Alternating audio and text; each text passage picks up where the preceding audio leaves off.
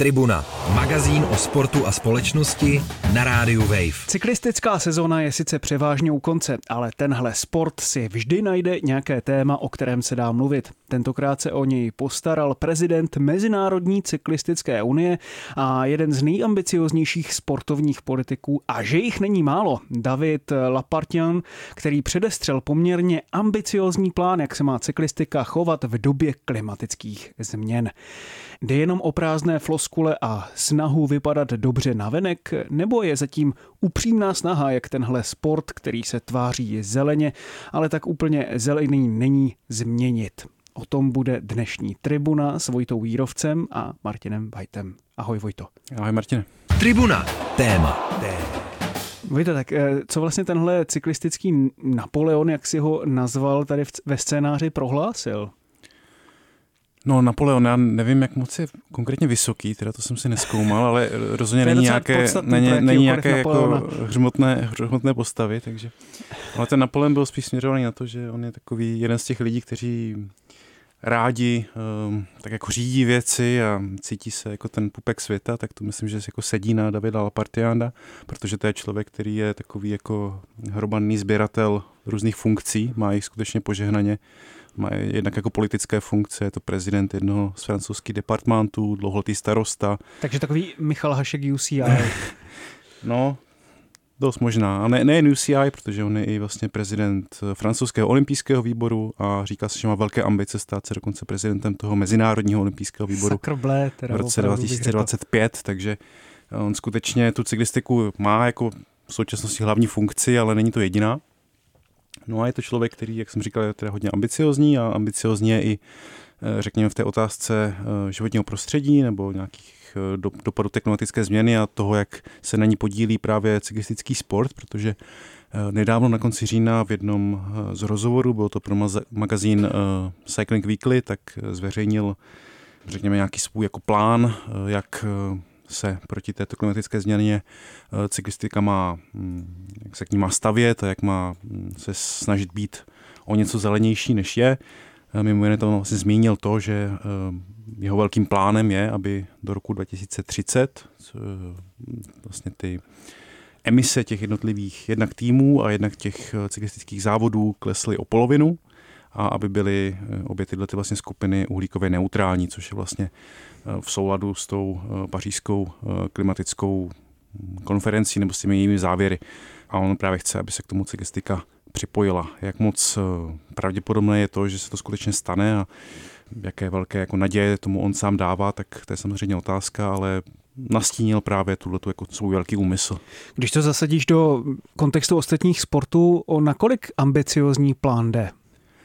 No, nechci mluvit za všechny sporty, ale cyklistika v tomhle tom hm, by asi měla jít příkladem, už vzhledem k tomu, že jízdní kolo je um, symbolem vnímáno toho, jako právě, té zelenosti, že? jak říkáš, symbol uh, toho zdravého a šetrného pohybu. Ostatně ty sám si přijel do studia na kole, takže jdeš tady příkladem. Ale v tom není žádný říct, bias vlastně. O jako. sobě říct nemůžu dneska. Uh, no každopádně myslím si, že je to poměrně ambiciozní plán. Uh, on tam nastínil i různé způsoby, jak si myslí, že by k tomu mohlo dojít. Eh, nastínil svůj úmysl překopat ten eh, cyklistický kalendář, který v současnosti probíhá eh, takřka na mm, skoro na všech kontinentech, dá se říci. Ty cyklistické týmy cestují z jedné země do druhé, právě při tom cestování dochází k velkému znečišťování planety vůbec, takže on říká, že různými jakoby menšími změnami jde dosáhnout jako v tom úhrném součtu nějaké změny větší. No a říká to jenom, aby se zalíbil, nebo si myslíš, že ty snahy jsou reálné? Na jednu stranu si myslím, že to říká kvůli tomu, aby se zalíbil, na druhou stranu v tom vidím i určitou jakou, jako politickou nutnost, protože a, a nechtěl bych ani úplně jako zahrnout, eh, jako negovat to, že to může být jako jeho upřímná, upřímná snaha, to rozhodně bych mu nechtěl brát. Ano, když se podíváme, já jsem si tady vypsal různá čísla právě jak znečišťující jsou různé cyklistické závody, ať už to je Tour de France nebo nějaké jiné, tak Tour de France právě mm, se veřejně taky přihlásila k té snaze jakoby být trošku čistší, než bývala a zveřejňuje čísla za některé ročníky tohle závodu a vlastně kolik znečištění způsobila. V roce 2013, kdy Tour de France startovala na Korzice, bylo tam dva nebo tři dlouhé letecké přesuny, tak to bylo 341 tisíc tun v roce 2021, což je vlastně před dvěma lety, kdy tam byl jenom jeden ten přesun, tak to bylo 216 tisíc tun, což je nějaké, nějaký pokles o 40%, což z mýho pohledu je poměrně výrazný, byť to samotné číslo takhle působí jako abstraktní, um, jestli to je 216 tisíc tun nebo 21 tisíc tun, jako za stolik třeba neřekne, ale když jsem si hledal nějaké jakoby, mm, na co se dá převíst trošku konkrétněji, tak eh, tisíc tun eh, by mělo odpovídat zhruba jako eh, letu z Paříže do New Yorku. Takže když to vynásobíte 216 tisíci, tak už to nějakou jako mm, trošku konkrétnější představu, představu Je to prostě dává, roční takže, provoz Air France, dejme tomu jako třeba v nadneseném významu. Jako. No, je, je to prostě hodně. A oni se to snaží snižovat různými způsoby, ať už třeba, že uh, ty auta v té doprovodné koloně jsou čím dál tím více buď to hybridní nebo na elektrický pohon. Snaží se omezovat ty různé dlouhé transfery mezi těmi, mezi těmi cílovými a startovními městy, protože Tour de France už dávno není jeden den skončíte v jednom městě a z toho samého pokračujete dál, jsou tam různé přesuny, tak právě ten, to množství těch kilometrů v těch přesunech se snaží omezovat a to je jenom jako jedna, jedna z mnoha věcí. Takže tím jenom bych chtěl nastínit, že ten sport, i když eh, vlastně je symbolem nějakého toho čistého pohybu v té mm, amatérské podobě, že my nebo já nebo ty si jdeme vyjet na kole, tak v té profesionální podobě eh, to tak úplně neplatí. Tribuna na rádiu Wave. Ty jsi už to trošku naznačil, ale trošku jsem myslel ty reálné cíle, jestli to jsou i proveditelné cíle v tomto ohledu, jestli v podstatě nestaví Lapartian jenom takové vzdušné zámky. No on tvrdí, že to je proveditelné, když to bude stát, eh, jak on říká, do obětí a nebude to úplně snadné. A... Promiň, když ti do toho hmm. skočím, vlastně teďka, když zkusíme třeba ten pokles těch tun převést na to ten cíl, kam se Lapartian snaží dostat, tak v rámci toho vývoje, který vidíme, to znamená, že se to třeba snížilo už o 40%, tak jestli to chce on snížit o dalších 40%, jestli vlastně ten vývoj směřuje tam, kam eh, on eh, chce, anebo jestli by to zase ještě muselo jako nějakým způsobem exponenciálně narůst oproti tomu, co se už eh, teď reálně děje. Promiň, že jsem tě do toho skočil. Asi exponenciálně ne, ale ještě tam nejsme u toho cíle, co on si vytyčil.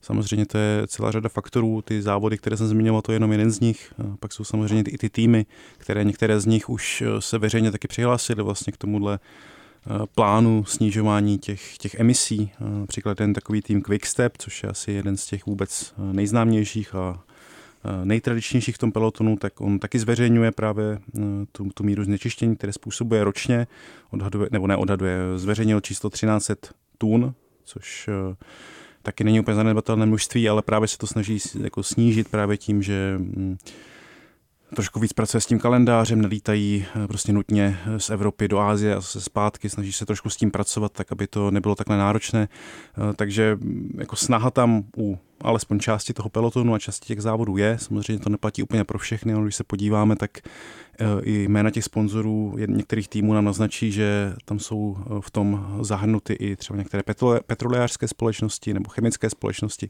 které asi nutně nemají jako Eh, takovou vůli nebo eh, no, takovou vůli k tomu vlastně jakoby eh, s tím se k tomu přihlásit, aspoň veřejně, takže není to, není to jednoduché, ale obecně si myslím, že to je na nějaké jako cestě k tomu, že by se to mohlo splnit, tenhle ten velký plán, který ten Lapartian představil. No a co ten cyklistický Green Deal, když to takhle řeknu, vlastně obnáší? Co si mám představit reálně pod tím snižováním uhlíkové stopy? No, můžeš pod tím představit třeba to, že ubyde takových těch takzvaných Grand Depart, eh, těch eh, takzvaných Grand Tour, to znamená ten zahraniční start. V minulých letech to bylo eh, vlastně Tour de France před rokem startovala v Dánsku, Giro d'Italia před několika lety v Izraeli, a prý byl i plán, aby startoval v Japonsku, ten italský závod, měl start v Japonsku a pak se vlastně celá ta karavana toho závodu přesunula zpátky do Evropy, což z hlediska tohohle, jak ty si tam zbatím Green, toho Green Dealu, tak jde úplně jako přesně proti tomu. A právě těchto těch jakoby zahraničních startů by mělo ubít, mělo by být méně taky těch dlouhých přesunů, těch transferů. To znamená, že v minulých letech třeba Tour de France skončila v Pyrenejích, 20. etapu, a tu 21. je v, pa- je v Paříži, takže se zase všechno muselo přesunout z těch Pyrenejí do Paříže, většinou letecky. Nebo takže byly... žádné Euro 2020, když to tak řeknu. takže, no, takže eh, právě těchto těch věcí on si jako všímá, ten prezident UCI, Mezinárodní cyklistické unie, a chtěl by eh, je ze své pozice právě toho nejvyššího muže toho sportu nějakým způsobem eh, podpořit tomu, aby, aby se to takhle jako nedělo, alespoň v takovém množství. A některé ty závody s tím tím souhlasí, už se to sami snaží omezovat, například Tour de France, která vlastně minulý týden otajnila trasu pro příští ročník a z mýho pohledu je teda o dost kompaktnější, než jsme třeba byli zvyklí. Tam taky je ten zahraniční start, ale je to v Itálii, vlastně jenom přes hranici s, Francií, takže tam nejde o, takové, jakoby, o takovou dlouhou cestu, je tam méně těch leteckých transferů, takže to jsou takové jako kroky, kterými e, tomu jde pomoci, pak samozřejmě je tam větší zahrnutí těch, jak jsem říkal, elektrických aut na místo těch spalovacích motorů a, a tak dále a tak dále. To by se tady vypočítávat jako hodně dlouhou dobu. Já třeba, co si vzpomínám, jak jsem byl před rokem na Tour de France, uh, tak už jako tehdy mě zaujalo tam ty reklamní kolony, uh, reklamní karavany takzvané. Před tím závodem tam projede, um, odhleduje se 150 aut, takových jako bizarních tvarů a hází tam na všechny strany prostě takové reklamní předměty, jsou to většinou nějaké klíčenky, letáky, čokolády, prostě jako, jako zbytečnosti, které tam jako rozhazují všemi, na všechny strany v těch národních parcích, v té vysoké národské výšce, v chráněných územích. A, tak třeba tohle jako z mýho pohledu je velmi jako archaická věc, která asi nemá eh, v 21. století na té Tour de France eh, moc co dělat, nebo není moc jako opodstatněné, proč by tam zrovna jako tohle to mělo být. Takže to je třeba jako jeden z dalších možných kroků eh, k nějakému uskutečnění tohohle ambiciozního cíle. To mi zní až moc jako zdravý rozum na poměry sportovního prostředí, nemyslíš? Tak eh, Tour de France by ti určitě řekla, že to je součást eh, tradice, která tady je od 50. let a že tradice si máme eh, jak to vážit? hýčkat nebo vážit. Na druhou stranu, když vidíme, že už se to jako nějakým způsobem jako přežilo, že už to není Není to nějaká atrace, kvůli, kvůli které byste tam jako jezdil, že tam dostanete klíčenku a jedete pryč, jo? takže uh, možná, je, možná je třeba nad tím ano, se ano. zamyslet no, trochu. Takzvaně to otřepané, děkujeme vám za názor, v tomto případě návštěvu a tady, tady máte klíčenku. Uh, no, myslel jsem to i z toho pohledu, že když to třeba porovnám s tím, konáním právě velkých eh, sportovních akcí, třeba konkrétně co se týče fotbalu, že je to teďka rozvleklé do několika kontinentů, měli, nebo na celém kontinentu, když si třeba vezmu mistrovství světa v roce 2030, že se to koná ve třech eh, různých zemí, je tam x přeletů. Teďka samozřejmě eh, na jedné straně tady máme Katar, který byl v jednom městě de facto nebo na velmi malém prostoru, ale co všechno to obnášelo z hlediska té klimatické stopy, třeba té výstavby stadionu, které opravdu ta země nepotřebuje, to je taky eh, naprosto neporovnatelné. No a v kontrastu s tím mi přijde třeba to, že by se mělo odehrát to Grand Depart v Tokiu nebo prostě někde v Japonsku a pak přeletět do Francie. Dřív by se mi to zdálo jako naprosto bláznivé, nebo i dnes je to naprosto bláznivé, ale uh, určitě by si spousta hlavounů řekla, no tak proč ne, no tak ve fotbale se to děje úplně normálně, tak co, no tak sice budou teďka další tři týdny jezdit několik hodin a vydají se na maximum svých možností a ten jetlag tam může být eh, velmi problematický, ale tak eh, prostě jsou to profesionální sportovci, tak to musí zvládnout. Spíš z tohoto pohledu jsem si myslel, že, že je to až, až moc jako common sense eh, to, kam se cyklistika chce ubírat a jestli si tím samozřejmě taky oproti ostatním sportům nezavírá dveře, že je to takové to klasické, no, ale Ehm, když my to neuděláme, tak ti ostatní využijí těch příležitostí, které my necháme na stole a tohle to mi samozřejmě přijde jako jedna z těch věcí, že vidíme spoustu těch eh, zápasů, třeba prvních v sezóně, které dělají americké sporty mimo ten americký kontinent, že jo, eh, NHL klasicky, že jo, kolikrát začíná třeba v Praze nebo někde ve Skandinávii, v Německu a podobně podobně. Um, vidíme to třeba i s těmi fotbalovými zápasy, že se snaží dostat na další kontinenty a právě to, že Tour de France takhle měla ty Grand Depart v těch jiných zemích, které třeba cyklistikou buď nejsou tolik políbené, nebo prostě je tam ještě obrovské množství prostoru, které se dá komerčně takzvaně využít, zvlášť třeba v té Ázii, že, že máme jako cyklistiku jako velmi takový, řekněme, europocentristický sport s výjimkou pár tedy zemí v Jižní Americe, tak eh, mi to vlastně přijde, nevím, jestli to nazvat tak, že si cyklistika pod sebou podřezává větev, anebo jestli to vnímá jako jeden z možných eh, způsobů, jak se vlastně dostat vpřed. Mě by spíš zajímalo, jak ta cyklistika to dokáže orámovat, že tohle to je vlastně nějaký eh, krok vpřed, který i tu samotnou cyklistiku posune, jestli třeba tím dokáže získat více sponzorů, kteří by se jinak třeba k tomu sportu nedostali a tak podobně. No, ty už si to zmínil, je to nějaká, eh, je to nějaká jejich, myslím, myslím, jako i deklarovaná snaha získat nové publikum na, no, v zemích, které o cyklistiku dosud nejevili takový zájem. To byl třeba případ Izraele, který vlastně tam se startoval v roce 2019 a vlastně o to jako i z iniciativy jednoho z týmů, který měl vlastně izraelského sponzora. A tomu z, to, z této stránky to bylo vlastně i financované částečně izraelskou vládou tehdy. A byly proti tomu samozřejmě různé protesty, ale tak to sem asi úplně nepatří tyhle ty grande party právě no, mají jakoby, je tam ta snaha mm, proniknout na nějaký jiný trh, ukázat ten závod v jiných zemích. Ostatně eh, i u nás máme eh, často, a pořád se to opakuje, snad rok co rok, eh, že Tour de France by jednou mohla startovat v České republice a jednou se toho dočkáme, jako kdyby to byla prostě nějaká obrovská, jako, samozřejmě jako je to velká věc, ale není to podle mě jako nutná věc, která bez které by tady ten sport nemohl existovat bez startu Tour de France. Přesto se o tom každý rok mluví. Takže mm, to je jeden z těch těch, z těch důvodů, ale já bych ještě zmínil možná dvě věci, které ještě nezazněly. Ta první je to, že i kdyby se nakrásně podařilo tu jako ten obrovský plán, ten cyklistický Green Deal, jak si to nazval, to, jako uskutečnit a skutečně by se povedlo splnit ty kritéria, tak jako v globálním pohledu to samozřejmě jako neřeší jako nic, ale myslím si, že eh, cyklistika právě i z toho pohledu, že to je vnímáno jako ten čistý sport, by měla být eh, tím sportem, který jakoby dává nějaký jako signál, který ukazuje, že na tom záleží a i když to třeba jako reálně nic nezmění, nebo zase ten kontextu to jsou prostě zanedbatelná čísla, tak eh, je důležité dát nějaký příklad. No a, eh, tak za ně fotbal jim zamává z letadla. No, ještě když zmiňuješ teda fotbal, tak eh, já jsem si tady vytáhl i čísla světových šampionátů 2006 a 2010. Novější jsem nenašel, ale když jsem tady jako šermoval těma tisíci tun, tak 2006 to bylo Německo, tak to bylo 250 tisíc tun. A, a ta cyklistika, ty si říkal 212 tisíc. 216 tisíc tun. Teďka ta poslední 20, 21. 21. V roce 2006 světový fotbalový šampionát 250 tisíc tun a v roce 2010, což bylo v Africké republice, 1,65 milionů tun. Takže tam to bylo ještě odskočené vlastně o řád.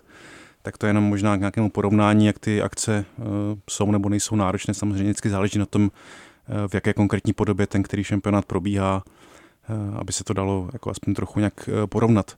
No a ta druhá věc je to, že my se tady bavím sice v těch tisících milionech tun, ale ono to jako na ten sport, který probíhá vlastně pod širým nebem, v krajině, že, za všeho, všemožného počasí, eh, tak má docela jako reálný dopad. A není to dopad, který by byl jako příjemný komukoliv, protože už eh, v posledních letech se několikrát stalo, že ty závody musely být eh, třeba přeložené nebo předčasně zrušené z důvodu právě počasí minulý rok eh, začínal se v Austrálii ten světový, světový kalendář v lednu a provázeli to obří požáry eh, v Austrálii. Eh, na Tour de France se museli chladit silnice před průjezdem pelotonu, protože tam bylo takové horko, že to prostě nebylo snesitelné. Ty jestli se na to stěžovali každý den, chladili se všude možně.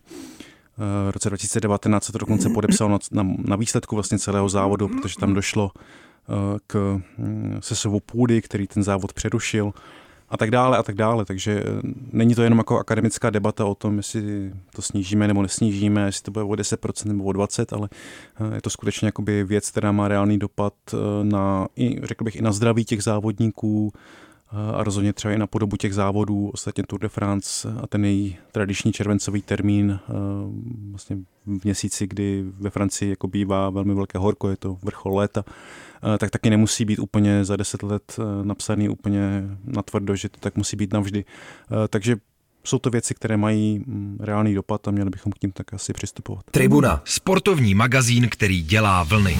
No, když to právě ještě srovnáme třeba s těmi dalšími sporty, které hodně že hrají na klimatickou změnu, jako jsou třeba ty zimní, které nám za nedlouho eh, začínají, tak si myslím, že eh, i ta cyklistika má v tomto ohledu hodně co zlepšovat, eh, řekněme, nebo ty podmínky, že je hodně ovlivňují u těch zimních sportů, je to naprosto eh, jednoznačné, že tam se bez radikálních posunů zimní sporty vlastně nemohou ani už konat pomalu jinde než eh, v nějakých skandinávských zemích, tak můžeme vlastně mluvit i o tom, že to, jakým způsobem třeba český běh na lyžích nebo český skok na lyžích vymírá, že, má, že je důsledkem právě této klimatické změny, protože eh, těch sněžných podmínek eh, není tak eh, dost nebo nejsou tak kvalitní i mimo vlastně ty horské destinace, odkud pocházejí ti sportovci primárně, že, když se vlastně podíváme třeba na ty olympijské vítěze a tak. Myslím, že u skoku na lyžích tam jsou ještě možná větší faktory v něčem jiném než jenom v klimatické změně, což to je teda dlouhodobý nezájem, špatné hospodaření a stav eh, skokanských můzků v České republice. Ale to, jak si říkal, třeba i s tou přípravou. Já jsem poslouchal nedávno tiskovou konferenci běžeckých lyžařů nebo lyžařů na běžců na lyžích eh, před sezónou, eh, kteří říkali, že nemohli uskutečnit některá soustředění na norské výšce nebo během léta, protože právě nebyly prostě, nebylo, nebylo kde nebyl, nebyl prostě sníh a na ledovcích si to zabrali reprezentace s trošku větší kupní sílou, než má česká reprezentace a oni tak museli trénovat prostě na těch kolečkových lyžích nebo v posilovně, což já neříkám, že to je největší problém, který tady existuje, ale je to prostě nějaký jako z důsledků a dopadů právě těch věcí, které se dějí a třeba proběh na lyžích konkrétně, to je docela velký problém, protože čím dál tím více se musí závodit na těch na umělém sněhu, což je už prakticky to je jako normální, nebo je to norma, je to běžné na krátkých okruzích, protože není prostě třeba tolik toho sněhu, aby se to rozvezlo po nějakých jako delších kolech, takže i to vlastně ovlivňuje, ovlivňuje podobu toho sportu a jak si říkal, čím dál více se to asi bude stěhovat prostě do zemí, které mají trošku stabilnější nebo trošku výhodnější počasí v tomto případě, už asi Třeba vím, že alpské lyžování se koná v Záhřebu, jeden z těch světových pohárů, což mě přijde jako taková destinace, která asi eh, to taky nemusí mít natrvalo eh, a tak dále. Takže ta klimatická změna v některých sportech se projevuje už docela konkrétně jakoby, jakoby nyní. No.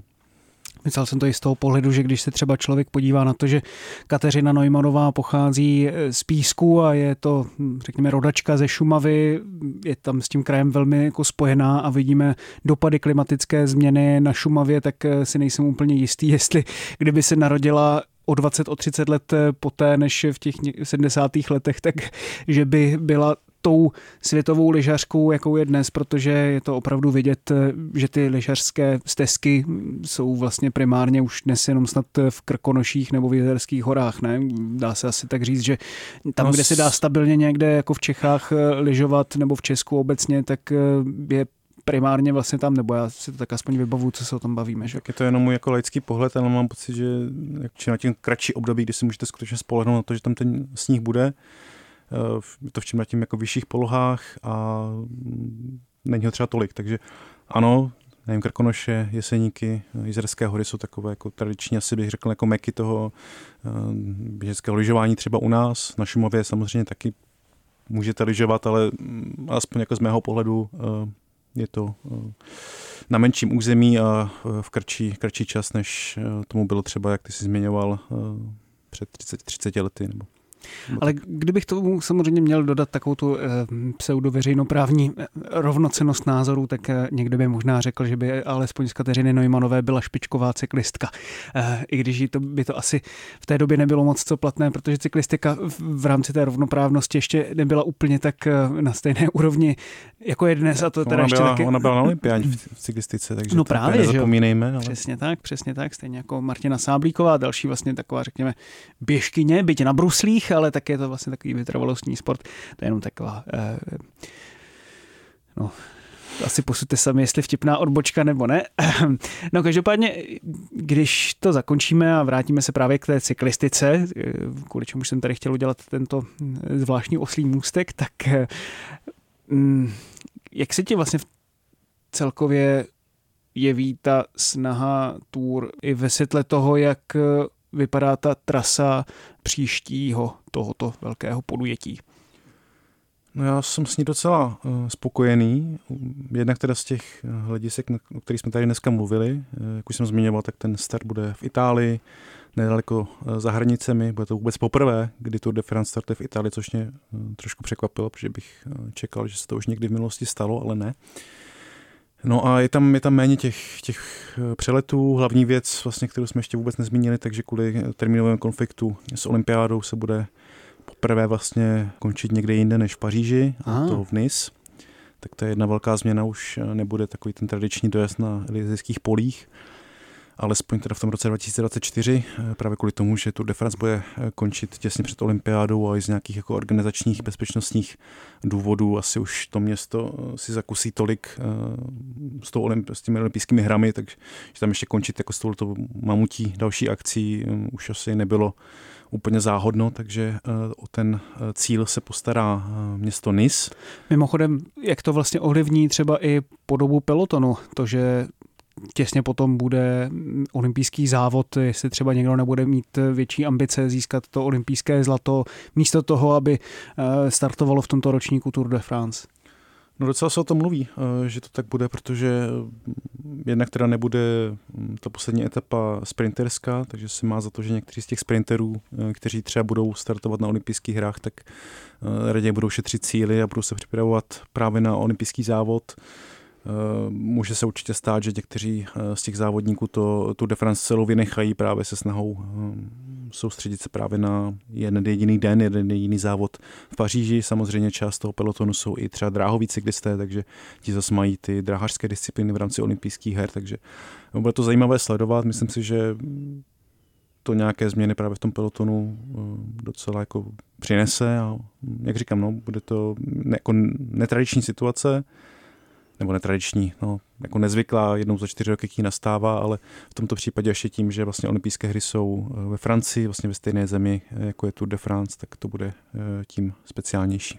Dobrá, tak uvidíme, jak to bude vypadat. To byl Vojta Jírovec v novém díle Tribuny už 197. k klimatické změně a jak se k ní staví cyklistika. Díky moc, Vojto. Díky, Martina. A díky moc taky vám, posluchačům, že jste nás doposlouchali až do konce. Najdete nás na wave.cz lomeno tribuna ve všech podcastových aplikacích, taky v aplikaci Můj rozhlas. Od mikrofonu se loučí Martin Vajc eSport.cz. Mějte se krásně. Tribuna, magazín o sportu a společnosti na rádiu Wave. Přihlas se k odběru podcastu na wave.cz lomeno podcasty a poslouchej Tribunu kdykoliv a kdekoliv. I na Tribuně.